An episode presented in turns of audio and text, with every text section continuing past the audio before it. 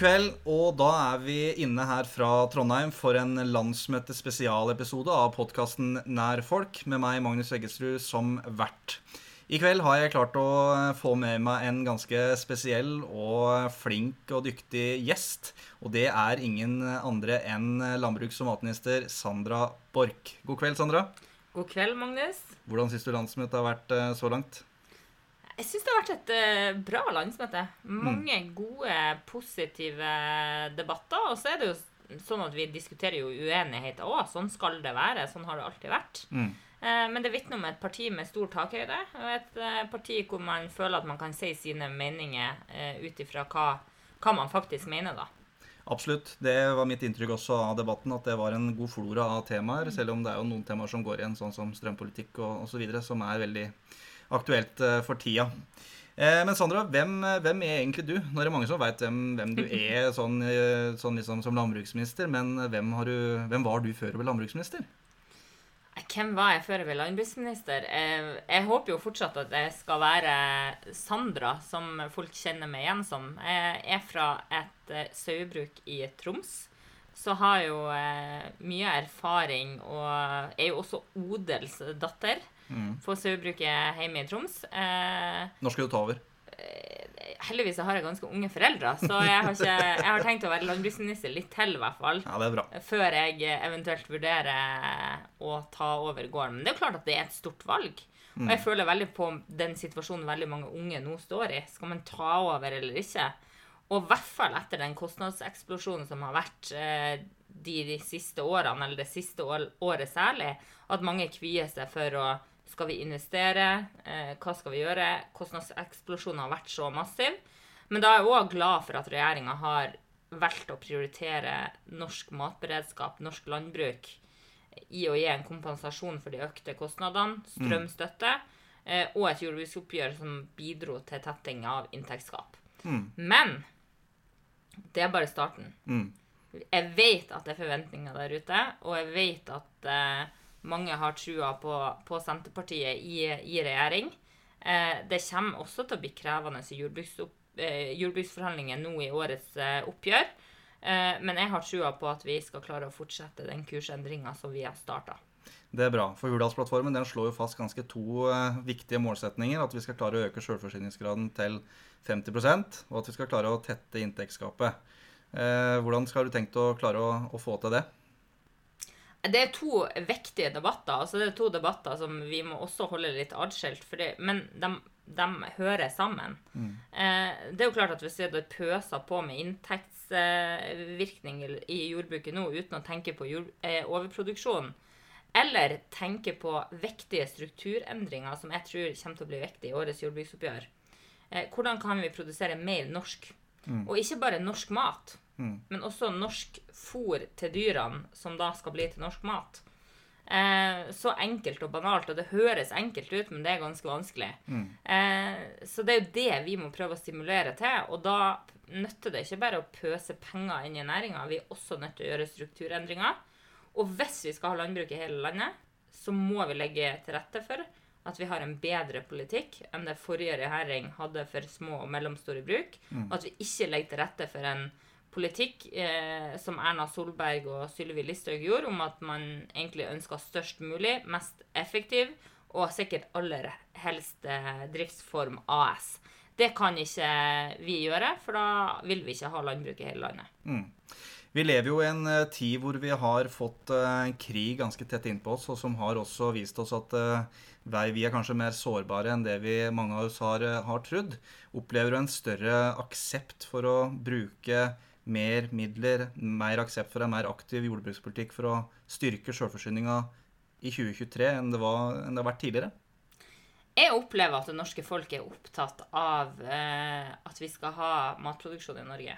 Mm. Eh, og det er det jeg pleier å si, at årets jordbruksoppgjør var egentlig ikke et jordbruksoppgjør bare for norske bønder, sånn som det pleier å bli framstilt hvert eneste år. Det var vel så mye et jordbruksoppgjør for alle vi som bor i Norge og handler på butikken i Norge. Fordi vi har faktisk klart å dempe prisveksten på en rekke matvarer. Fordi at Hadde vi ikke levert det jordbruksoppgjøret med å dekke de ekstraordinære kostnadene, så hadde prisen vært nødt til å bli tatt ut i markedet. Mm. Men vi har en jobb å gjøre. Det er det ingen tvil eh, om. Og jeg vet også at det forventes strukturendringer av næringa. Det eh, forventes strukturendringer av partiet vårt.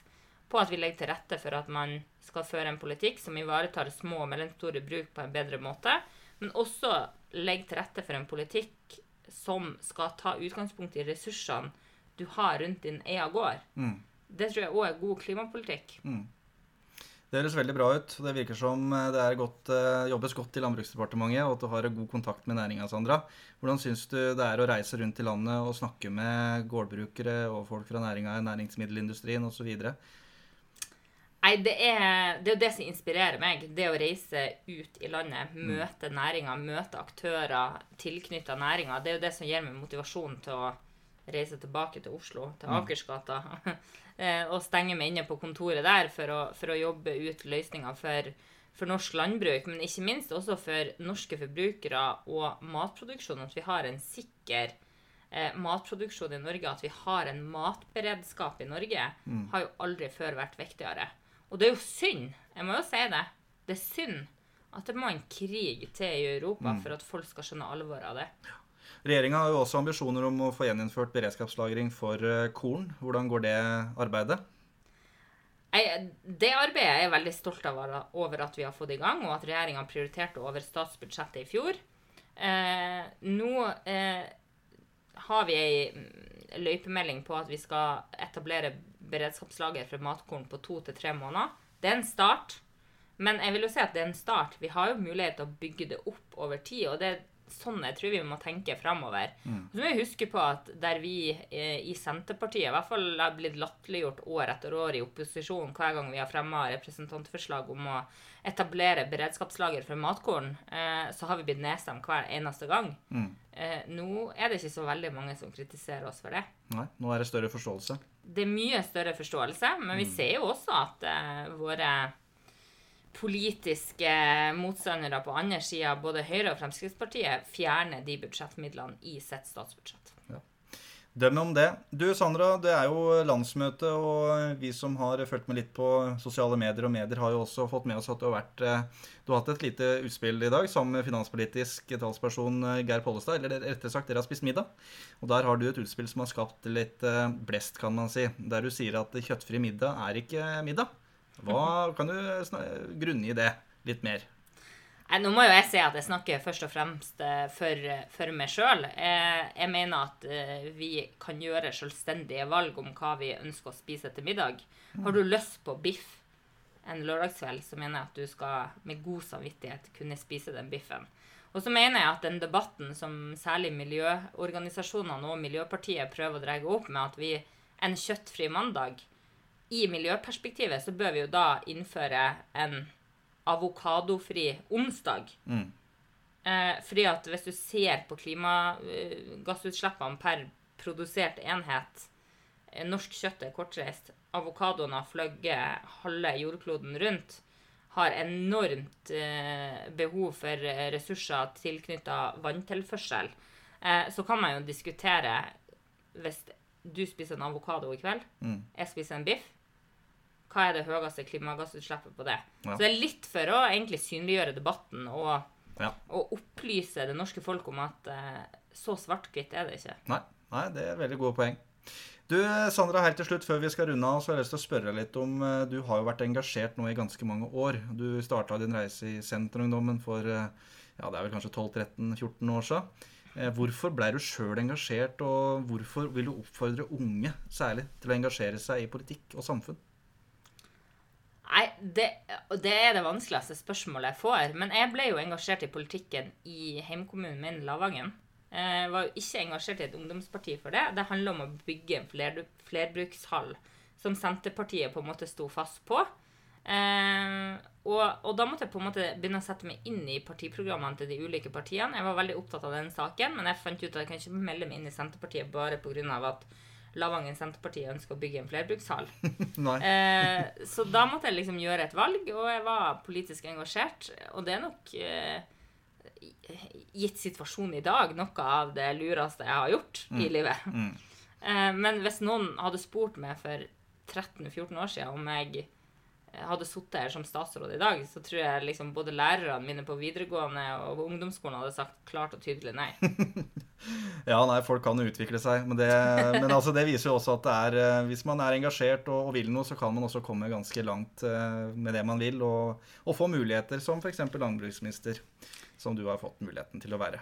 Men det vil jo òg si at det å være statsråd, det er utrolig Det er et privilegium, og det er en stor ære. Men jeg vil òg si at alle lokalpolitikere der ute som kjemper for sine lokalsamfunn, enten det er den ene saken eller den andre, viktigheten av det, å engasjere seg i sitt lokalsamfunn, er utrolig bra.